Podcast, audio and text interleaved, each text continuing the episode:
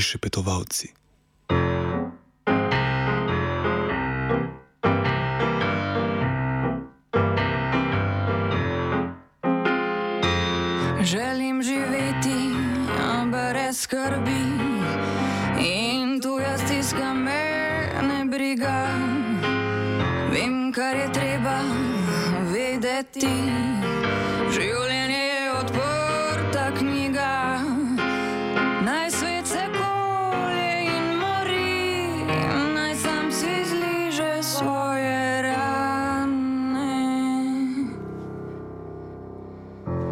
Nič več ne maram slišati, ne kvarite mi kembane. Največ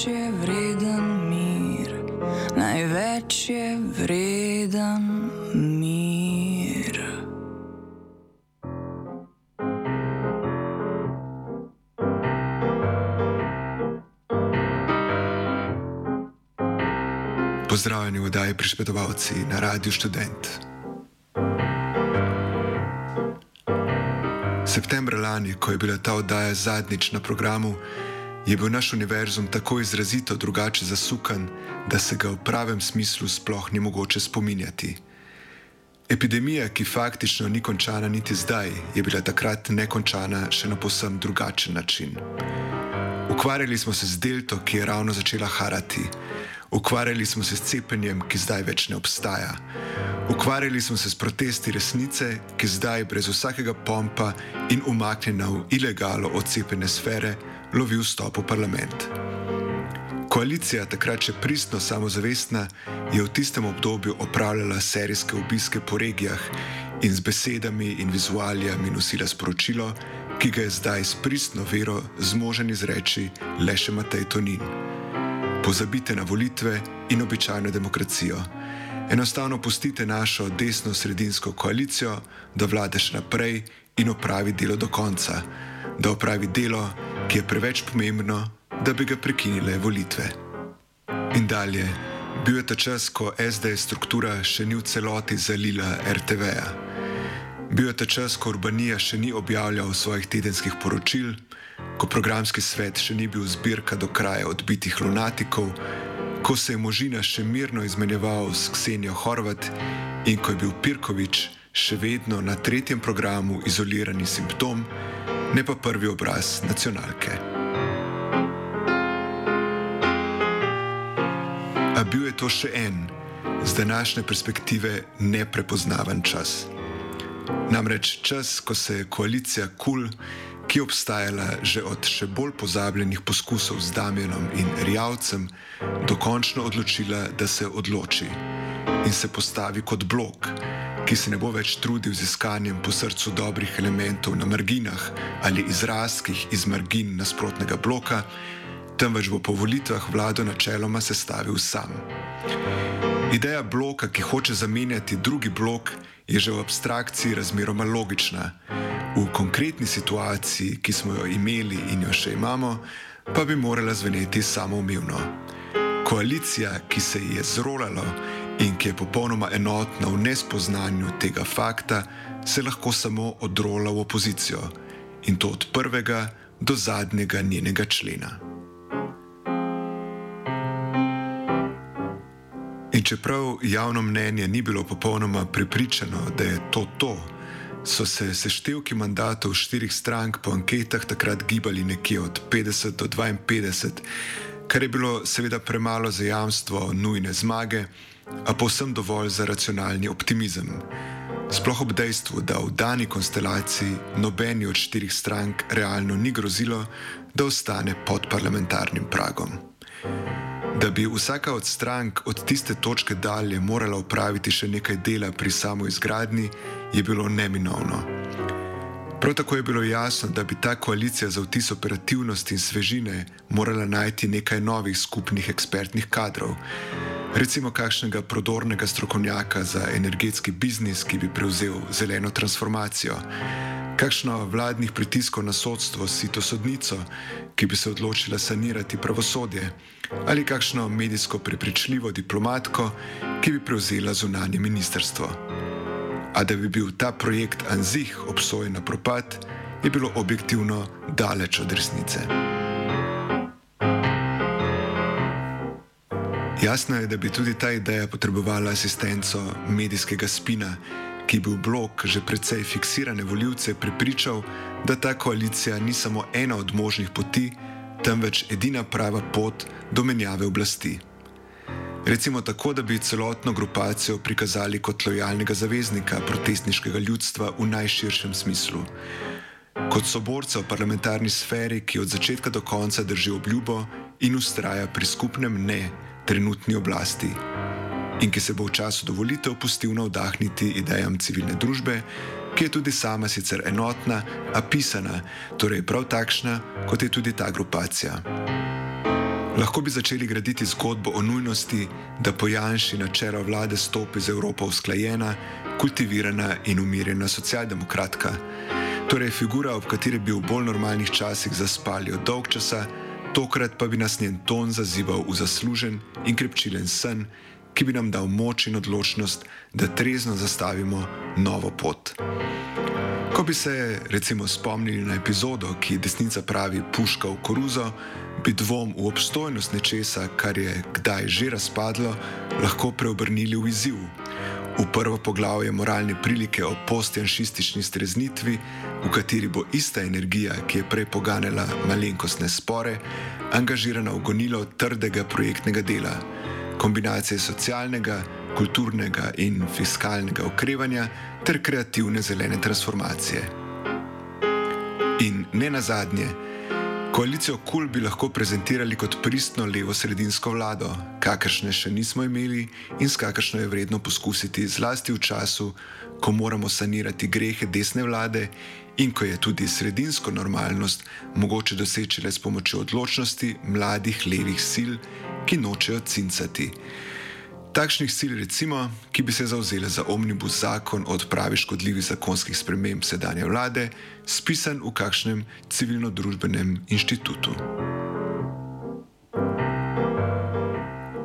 Za tak narativ bi težko rekli, da je bil neizvedljiv. Konec koncev je očitno, da bi bil v določenih potezah skoraj identičen narativu, ki smo ga kasneje dejansko proizvedli. A da bi se volilna strategija protivladne politike dejansko zagnala v točno to smer, bi se morali odreči poskusu, da v enačbo za skupno stvar unesemo še en element, namreč pregovornega sredinskega voljivca, voljivca izvorne Cerarjeve različice SMC, za katerega se je v trenutku, ko ga ni bilo mogoče v enem kosu locirati v anketah, predpostavilo, da se je izgubil in da neumorno išče svoje novo gnezdo.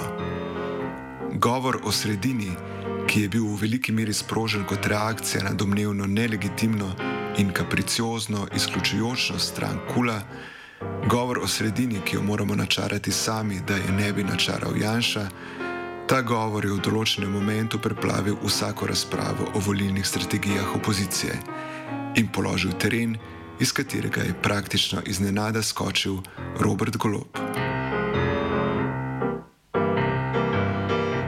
Da si je Golob po svojem utemeljitvenem dogodku v stari elektrarni vzel še nekaj časa, v katerem je oblikovanje scenarija, na katerega bi se na najbolj smiseln način vključil v slovensko politiko, prepustil drugim, se v nazaj lahko zdi zgolj prazen trik, a je za dosego statusa, ki ga je dobil, precej bistveno. Ko je bila namreč sprejeta predpostavka, da brez njega v slovenski politiki ne bo več šlo, so se za stranke kul na papirju narisale same nemogoče izbire. Če bi ga vzele za zunanjega mandatarja, bi težko utemeljile svoj obstoj in se degradirale na pomožni instrument. Če bi ga za predsednika vzela kakšna posamezna stranka, bi se na instrument degradirala samo ta, a ker bi se na anketah v isti gesti nesorazmerno okrepila, bi postala izjemno sumljiva partnerskim strankam. Da bi šle z njim v odprt konflikt, je bilo izključeno že zaradi dejstva, da je nastopil kot žrtev režima, če specifičnih kvalitet sploh ne omenjamo. Da bi zapolnile realno praznino, zaradi katere je sploh nastopil kot akter, je bilo zamujeno. Skratka, Ko so bile na mizo kot opcije položene zgolj nemogoče izbire, so tako te stranke kot vsi zunani opazovalci lahko zgolj izpeljali edini možni sklep. Ja, nič. Golob očitno mora ustanoviti samostojno stranko, kandidirati za mandatarja in strankami kul poskusiti sestaviti vlado. Ta subjektivna vključenost v oblikovanje logičnega sklepa je za prepričljivost novega političnega akterja bistvena.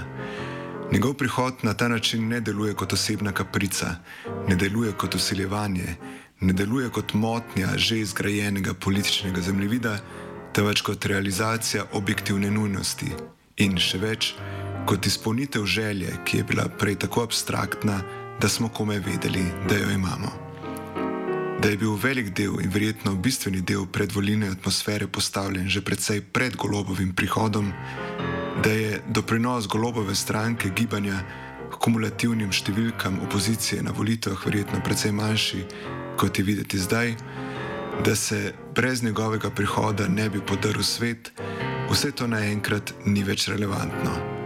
Kar šteje je končni vtis neizogibnosti, ob katerem se zobe polomi vsaka, še tako utemeljena kritika.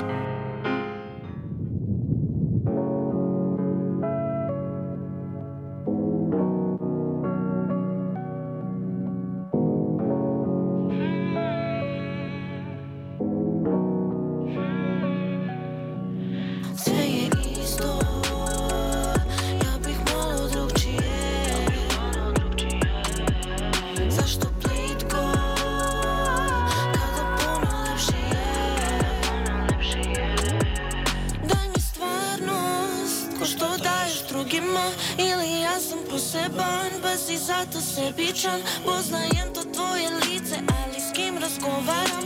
Više saznajem o tebi kada ostanem ja sam. Možda se plašiš da ljudi neće prihvatiti ko si ti u stvari. Možda se trudiš da održiš daljine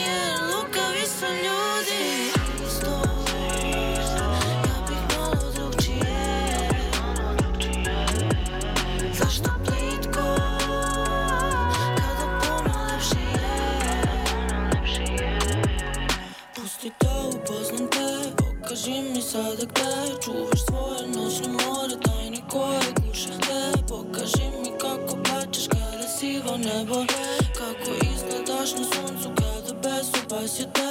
Uvek ista stvar za tobom Uvek daš mi samo deo Ja sam teo tebe celog Jesi celog mene teo. Poznajem te koliko daješ Verujem ti kada čutiš Znam da ne pričaš o sebi Puštaš da govore ljudi Možda se plašiš da ljudi neće prihvatiti ko si ti u stvari. Možda se trudiš da održiš daljine jer lukavi su ljudi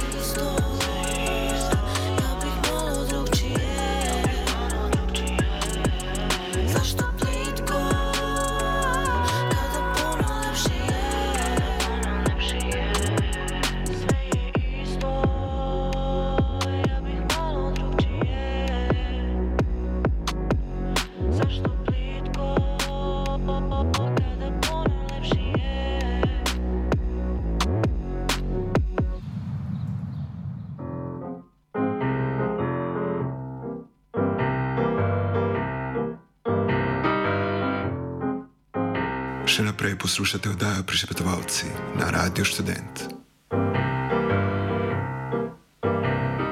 Pred pauzo smo končali na ključni točki.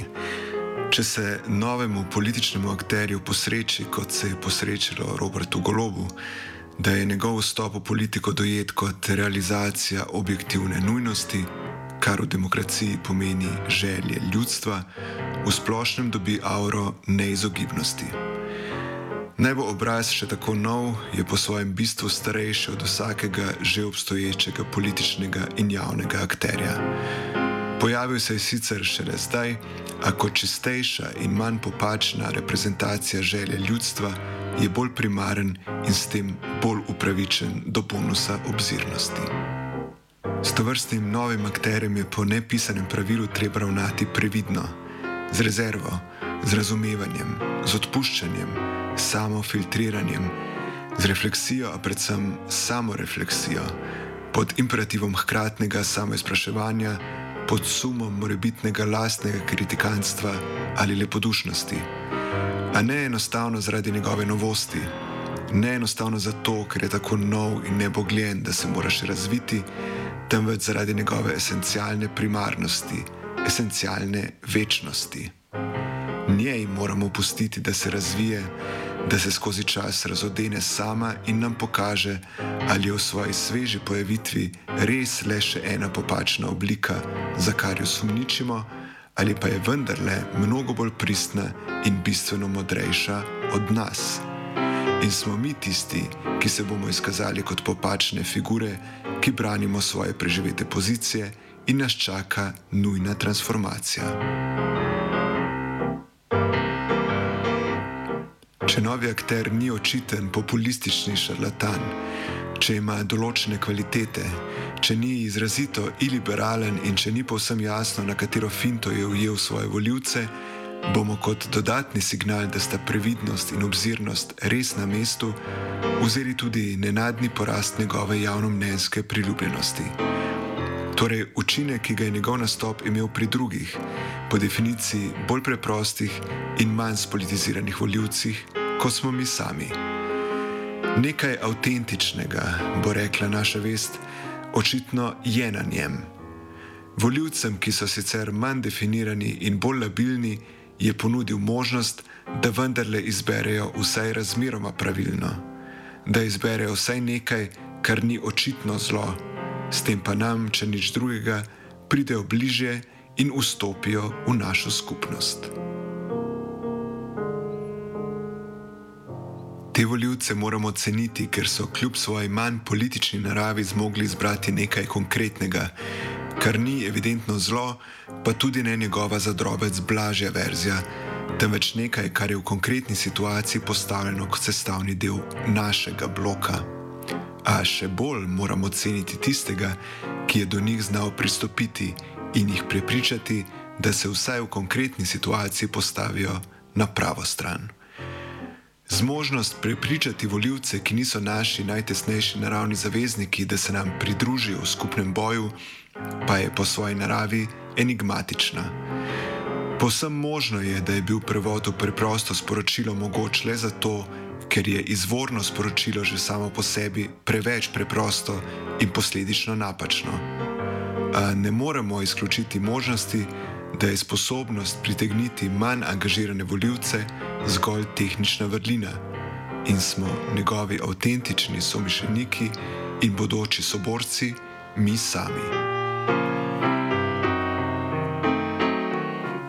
Ta abstraktna schema pa v konkretni utelesitvi ni vedno enako abstraktna. Če je bil Miro Cerar verjetno ultimativni primer maksimalnega izbrisa vsebine, če je Cerar neposredno meril na večnost vrednot, vključno z resnicoljubnostjo, ki narekuje izmikanje vsaki morda neuresničljivi obljubi, pa se golo po skladu s svojim profilom postavlja kot izrazito konkreten, izrazito operativen, izrazito dinamičen, izrazito aktivno transformativen.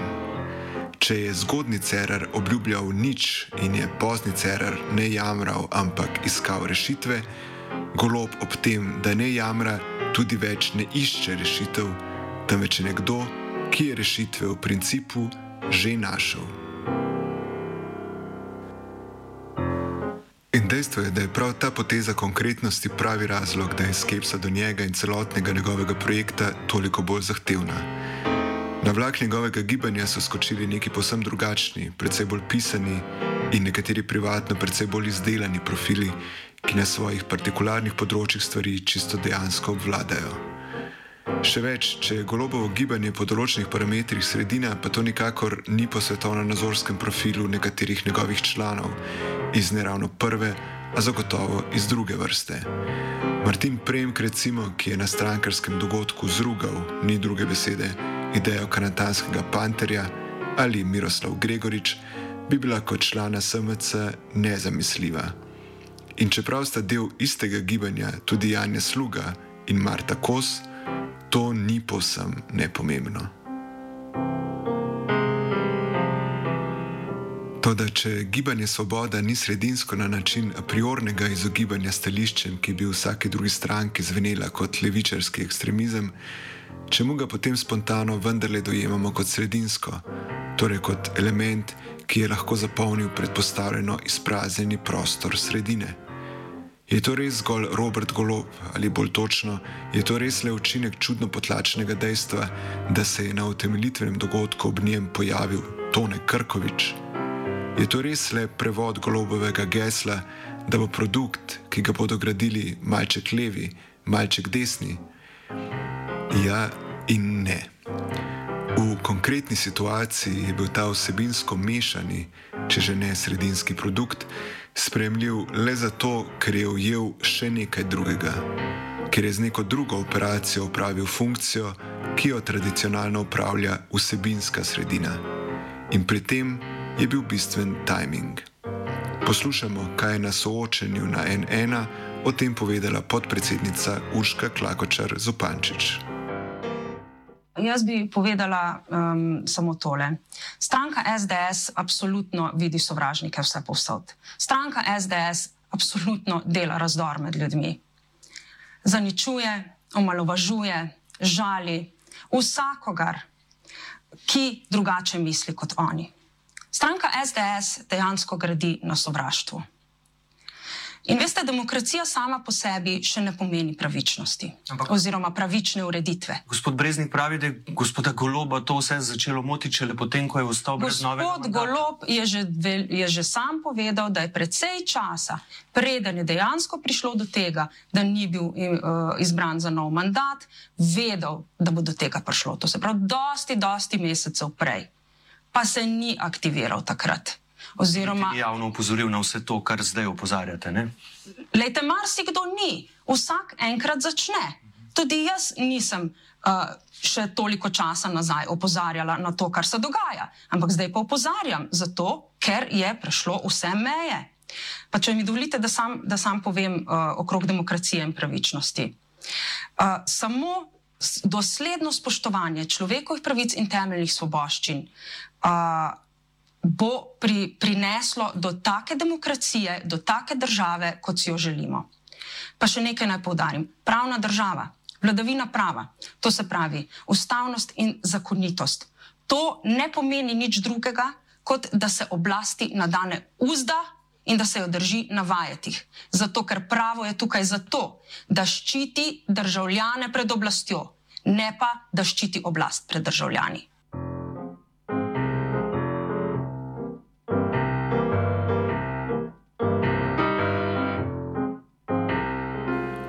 Tajmingu je nekaj resnično genialnega. Kolikor je prav predmet očitka namreč zapoznela politična aktivacija, preobrnjen v največjo prednost. In sicer na dva načina. Prvi, bolj površinski, je jasen. Kar se zdi kot zapoznela in sebično motivirana aktivacija, v tej naraciji postane odraz golobove strateške premetenosti. Vedel je, kaj prihaja, vedel je, že davno je vedel, da ga bodo odstranili, a je potrpežljivo čakal, da ga napadejo in, kot je že znal reči direktno, pretvorijo v žrtev.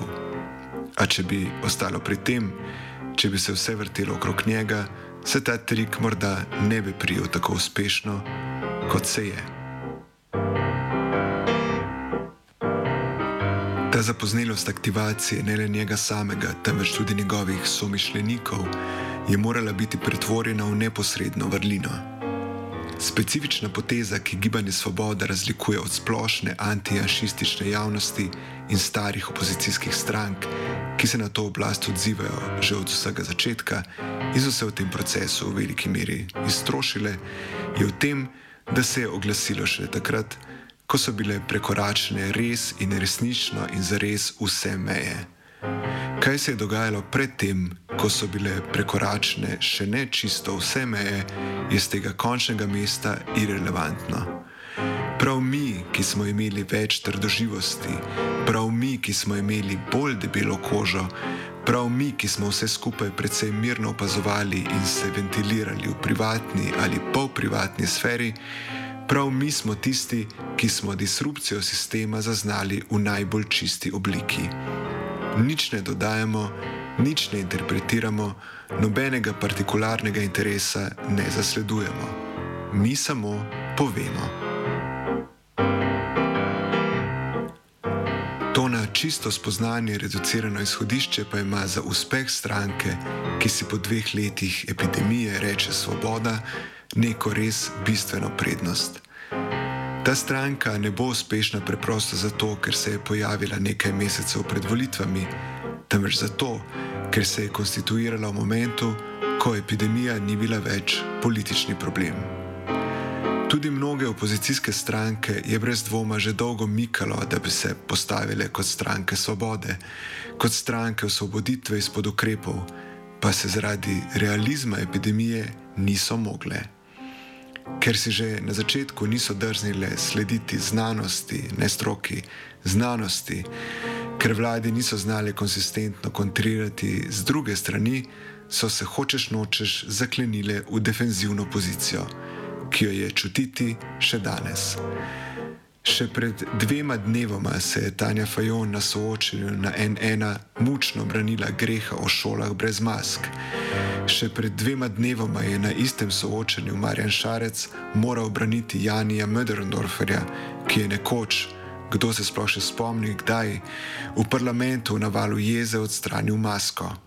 Še pred dvema dnevoma so se konec koncev na istem soočenju pogovarjali o tem, da je Hojs v parlamentu snil masko in med interpelacijo jedel arašide. Vse druge stranke, skratka, so še vedno nesvobodne, ker jih nažirajo stari grehi epidemije, ki kot taka ne zanima več nikogar. Le gibanje Svoboda je zares svobodno in lahko na to temo in na kakšno drugo temo izreče, kar hoče.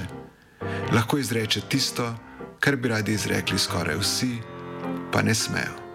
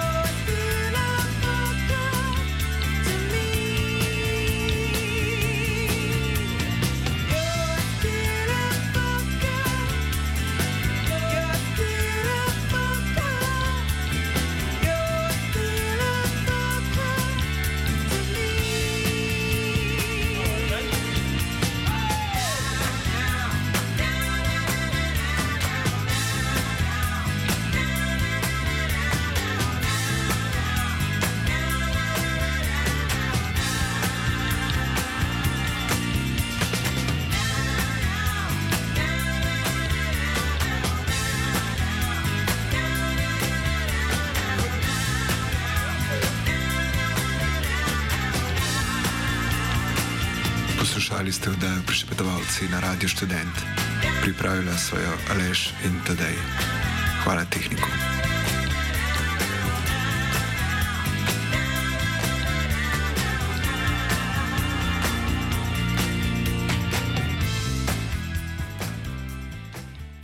Prišepetovalci.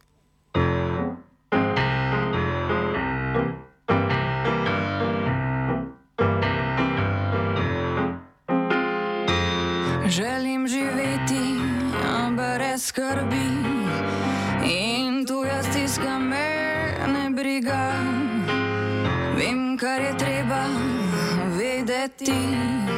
Življenje je odprta knjiga. Naj svet se kolje in mori, naj sam si zliže svoje rane.